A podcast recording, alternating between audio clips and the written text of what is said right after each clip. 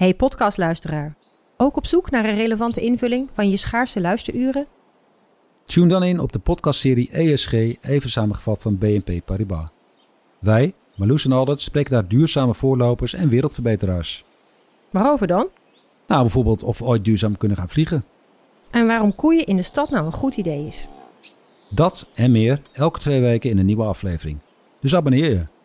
ESG, even samengevat. Al 125 jaar kwaliteit voor jou thuis met Miele. Dat vieren we met jou.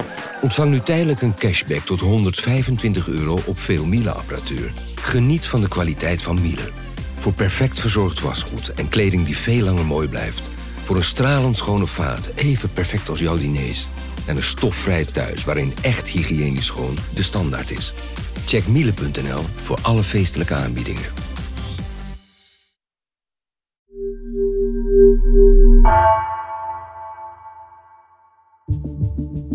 Vanaf de redactie van NRC het verhaal van vandaag. Mijn naam is Egbert Kalsen.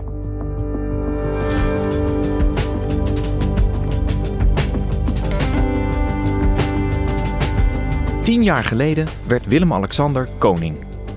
Door ophef in de coronatijd daalde zijn populariteit en sindsdien is het hem niet meer gelukt het vertrouwen van het volk terug te winnen. Verslaggever Titia Ketelaar volgt de koning al bijna vijf jaar en zij ziet dat dat vooral te maken heeft met zijn onzichtbaarheid. Wat doet de koning eigenlijk?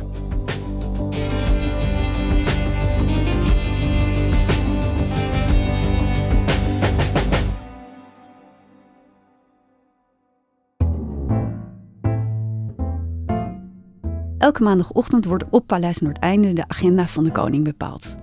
En dat gebeurt in de zogenoemde Poetie-kamer. Dat is een kamer die rood behangen is met allemaal mollige engeltjes erop. Poetie, dat zijn mollige engeltjes. En daar is een grote marmeren schouw, een grote kroonluchter en onder die kroonluchter staat een grote ovale tafel. En daaraan zitten de koning, de koningin, vaak prinses Beatrix, met hun staf, met de hofhouding. Daar zit onder andere de grootmeester van de koning, die bestiert die hofhouding zijn algemeen secretaris, hun persoonlijke assistenten, de directeur van het kabinet van de koning en de plaatsvervangend directeur van de Rijksvoorlichtingsdienst. En zij bepalen samen waar de koning en de koningin heen gaan. Eigenlijk de koning en koningin bepalen waar ze heen gaan en er wordt allerlei advies gegeven. Zij krijgen natuurlijk duizenden uitnodigingen. Overal waar een opening is, een honderdjarig bestaan van een bedrijf. Mensen willen graag dat de koning en koningin ergens bij zijn. Zij honoreren iets minder dan 5% van die uitnodigingen. En verder bepalen ze zelf vaak waar gaan we heen? Waar willen wij dat de schijnwerpers opgesteld worden? Ik volg de koning nu bijna vijf jaar en ik ben bij veel van die activiteiten geweest die in de agenda staan. En onlangs besloot ik om eens zorgvuldig terug te kijken. Om eens te ontleden en te formuleren hoe koning Willem-Alexander invulling geeft aan zijn eigen koningschap. En vooral om een oorzaak te vinden waarom hij er maar niet in slaagt om zijn dalende populariteit te herstellen. Ja, Titia, Willem-Alexander is tien jaar koning. Tien jaar geleden werd hij ingehuldigd, beëdigd. Het gaat dus niet zo heel goed met zijn populariteit, zeg jij. Nee, het gaat niet zo goed. Nou ja, kijk, als je naar de eerste zeven jaar kijkt van het koningschap, ging het eigenlijk best goed. 76 procent uh, van de ondervraagden in de jaarlijkse Koningsdagpeiling had vertrouwen in deze koning. Maar sinds oktober 2020, toen hij met vakantie ging naar Griekenland, terwijl wij allemaal in lockdown zaten, is die populariteit gedaald naar nog maar 46 procent. En daarmee is ook de steun voor de monarchie als staatsvorm gedaald. Die steun die was 80% in 2013 en is 55% nu. Ja, jij noemde al uh, de reis naar Griekenland, die herinneren we ons allemaal, denk ik nog wel. Um, zijn er nou, los van die reis, uh, nog andere concrete momenten aan te wijzen in dat koningschap van hem, waarom die populariteit zo onder druk is komen te staan? Nee, als je naar die Koningsdagpeiling kijkt, dan zie je echt uh, hoge cijfers tot 2020. En daarna is het enorm gekelderd. En dat zijn vier specifieke dingen, maar met name die reis in een week waarin de premier eigenlijk heel Nederland had opgeroepen om vooral thuis te blijven. Dus het koninklijke gezin deed iets anders dan het advies van het kabinet op dat moment was. Met spijt in het hart richt ik mij tot u. Onze reis naar Griekenland heeft bij heel veel Nederlanders hevige reacties opgeroepen. Het besef drong redelijk snel door bij de koningin en koningin dat ze iets hadden gedaan waar ophef over was ontstaan. Dus ze keerden eigenlijk vrijwel direct terug. En die week daarna kwam er een hele bijzondere video uit met excuses van de koning voor uh, het, het op reis gaan. Het doet pijn uw vertrouwen in ons beschaamd te hebben. We zijn betrokken, maar niet onfeilbaar. Maar wat je nu ziet is dat het de koning niet lukt om het vertrouwen in hem terug te winnen. En een van de redenen daarvoor is dat mensen niet goed weten wat hij doet. De Rijksvoorlichtingsdienst heeft uh, meerdere onderzoeken gedaan en daaruit blijkt dat eigenlijk. Als ze nadenken over wat de koning doet, dan denken ze misschien aan Koningsdag of aan Prinsjesdag, aan staatsbezoeken, misschien aan de ramp met de MH17 of de toespraak die hij hield op een lege dam in uh, eh, 2020 op dodenherdenking.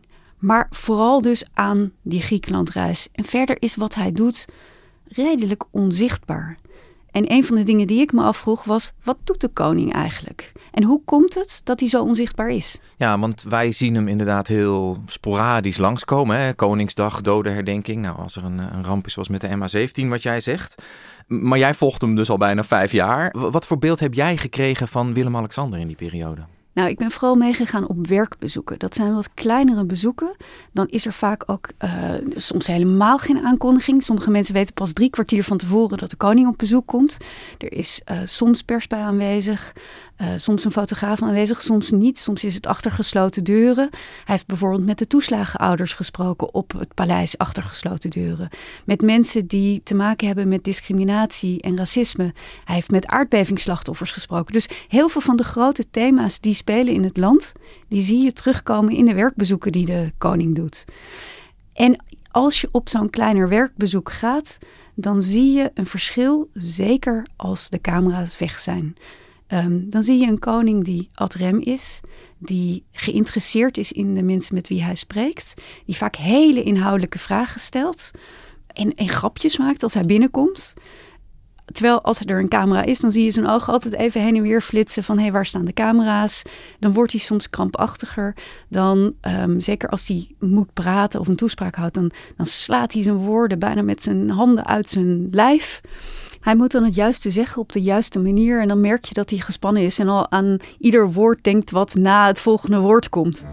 Om onderwijsachterstanden in de, lopende, in de lopen, in te lopen die in de coronapandemie zijn ontstaan. I would, like, I would like to express my, and repeat regret and uh, apologies. En alle ministers eh, met gezondheid en veel wijsheid uw zware taak eh, voldoen. Heel veel dank voor uw aanwezigheid. En dat is in die tien jaar niet veranderd. De krampachtigheid van deze koning op het moment dat er camera's uh, bij zijn. Ja, en zie je die afkeer van die camera's ook terug bij de manier waarop dan op zo'n maandagochtend die agenda wordt bepaald? Kiest hij dan ook bijeenkomsten waar die minder met de televisie zeg maar, geconfronteerd wordt? Nou, een van die redenen om die werkbezoeken te doen is omdat hij vindt dat hij um, naar de mensen toe moet. En dat als hij aan een tafel zit met mensen, dat zeker als er geen camera's bij zijn, die mensen hun verhaal meer durven te vertellen. En dat ze persoonlijker durven te zijn. Maar het andere element is natuurlijk ook dat hij zich ontspannender voelt als er geen camera's bij zijn. Maar wat je ook ziet, een van de redenen om die werkbezoeken te doen, is omdat hij een ander koningschap wilde dan zijn moeder. Hij wilde minder, nou plat gezegd, lintjesknipperij. Hij wilde naar de mensen toe zijn. Hij wilde meer mens dan majesteit zijn. En zie je dat dan ook terug, die opdracht die hij zichzelf gegeven heeft, dat hij echt meer mens dan majesteit wil zijn? Ik bedoel, waarin verschilt hij van zijn moeder, van Beatrix? Nou, laat ik een voorbeeld noemen van een werkbezoek eerder dit jaar. Hij ging naar het Overijsselse dorp De Krim. Dat ligt in de buurt van Koevoorde en de Duitse grens. Iets van 2000 inwoners en hij ging daar een dorpshuis uh, openen. Goedemiddag. Het begint met op het moment dat hij aankomt. Er lag een blauwe loper en um, de koning gaat dan echt van links naar rechts en high-fiven en iedereen boxjes geven. Zijn moeder was waarschijnlijk over die loper wel knikkend naar binnen gelopen en een, een handje schudden met de directeur of, of iets dergelijks. Het is een hele belevenis. Ah, maar hij gaat echt naar de omstanders toe. En waarom vond ik de Krim bijzonder? Dat is iets juist waar hij de schijnwerpers op wil stellen. Deze mensen hadden zelf hun dorpshuis gebouwd. Alles zou worden wegbezuinigd in dit dorp. En zij dachten, wacht even, dat laten we ons niet gebeuren. En ze, hebben, ze zeiden iets van 10.000 uur zweetdruppels zat er in de bouw van dit dorpshuis. En dat is een klein bezoek. Er is lokale pers, er is niet heel veel aandacht. Maar deze mensen hadden echt het gevoel dat ze gezien werden. Ik sprak met een boer, 79 jaar, en die stond echt met tranen in zijn ogen midden in de gymzaal, terwijl om hem heen werd geturnd en uh, gevoetbald en gekorfbald. En die man die, die was heel erg geëmotioneerd en die zei letterlijk dat de koning hier komt, dat betekent dat wij gezien worden.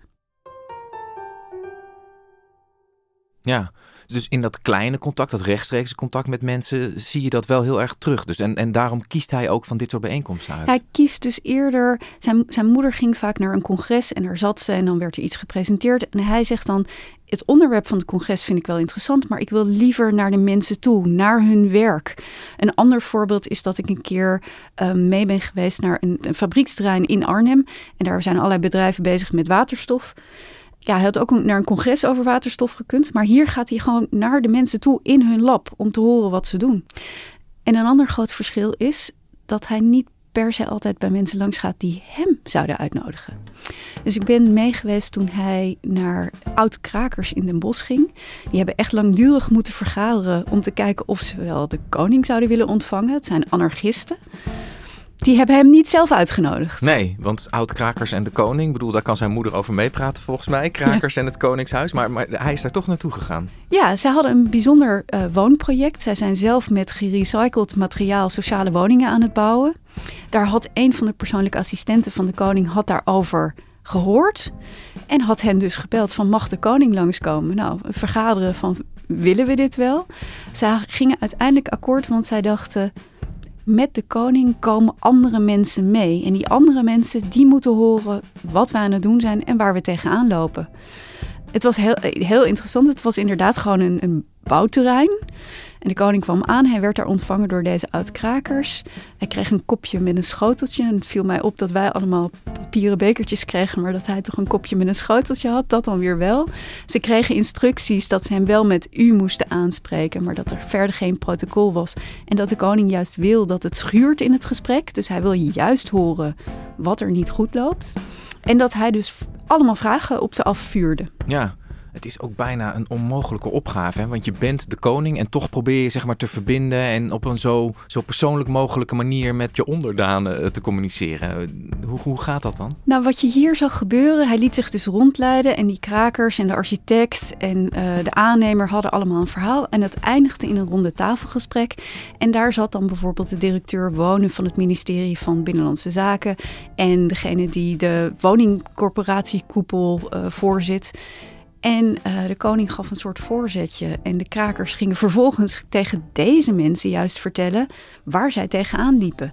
En dat is ook verbinden. Mensen denken vaak verbinden dat je dan mensen met polariserende meningen bij elkaar aan tafel zet. Maar verbinden is ook soms mensen die nou, misschien niet logischerwijs met elkaar in aanraking zouden komen aan één tafel zitten. Ja, en gewoon luisteren. En luisteren, ja. ja. Ja, inderdaad. En daar voelt hij zich ook lekker bij. Hij vindt het inhoudelijke, kleinschalige vindt hij belangrijk. Maar de paradox is dat het minder zichtbaar is dan bijvoorbeeld Koningsdag. Hij opereert eigenlijk een beetje onder de radar. En als mensen dus niet weten wat hij doet en ze zien dit niet, ja, onbekend maakt misschien onbemind. Ja, Titia, je zou ook kunnen zeggen: de koning heeft zijn formele rol, zijn staatsrechtelijke rol, zijn ceremoniële rol. Maakt die zichtbaarheid dan zoveel uit? Waarom is dat zo belangrijk? Je kan zeggen dat de monarchie alleen bestaat bij de gratie van zichtbaarheid. Koningin Elisabeth, de Britse koningin, die heeft wel eens gezegd: ik moet gezien worden om geloofd te worden. Politici kunnen natuurlijk allerlei dingen laten zien. Plannen maken, dingen uitvoeren. Uh, als je een lokaal politicus bent, een, een boom planten. Dat is heel zichtbaar, heel concreet. Je lost directe problemen op.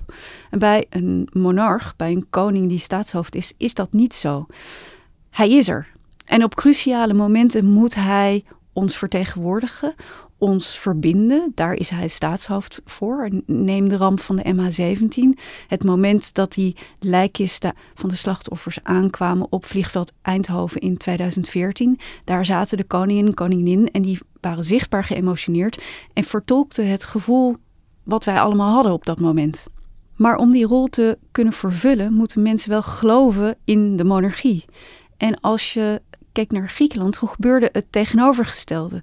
Nederland zat in hetzelfde schuitje, er waren nieuwe beperkingen opgelegd en de koning ging iets anders doen dan wij allemaal aan het doen waren. Dat was het tegenovergestelde van verbinden. Ja, was wel zichtbaar, maar op de verkeerde manier zou je kunnen zeggen.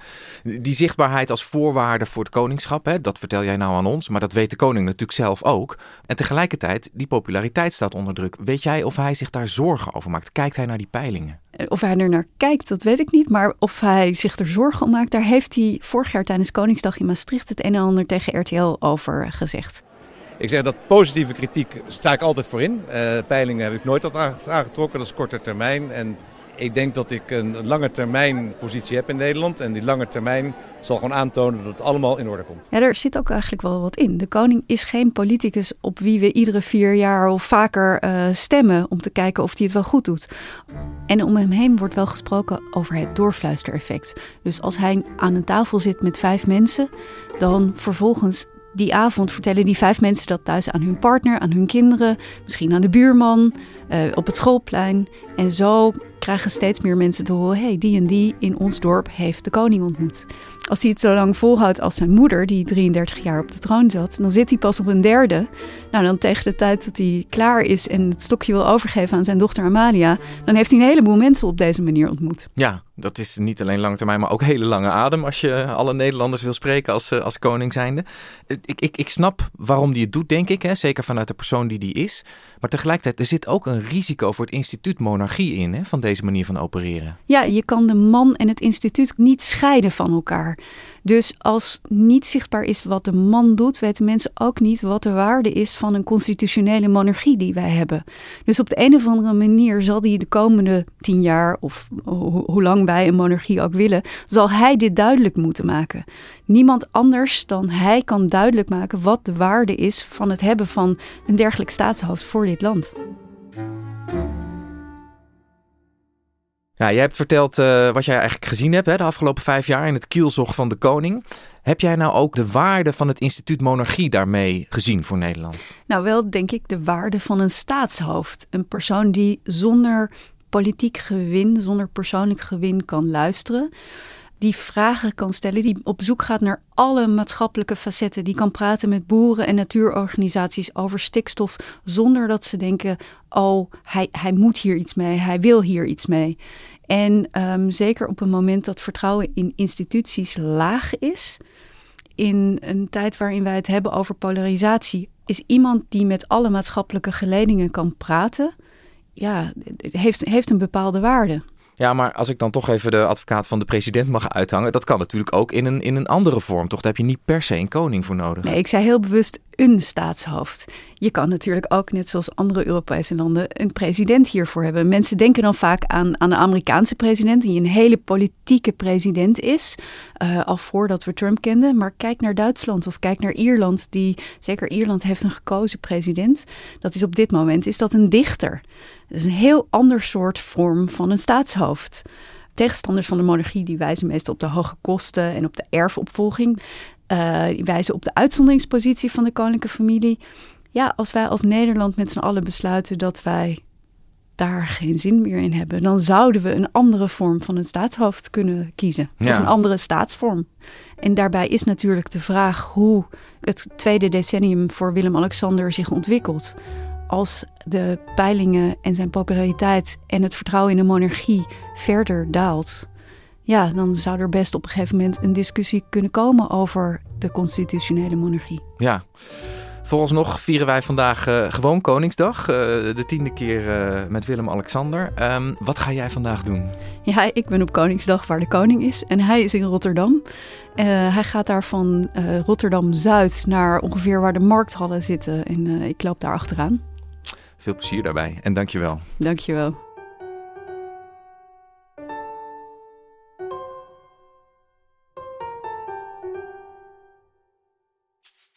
Wil je nou nog meer weten over Willem-Alexander en zijn voorgangers en de politieke kanten van de monarchie?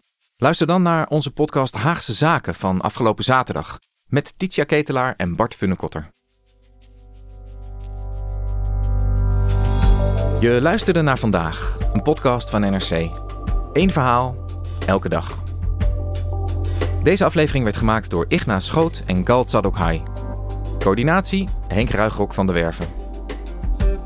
Dit was vandaag. Morgen weer.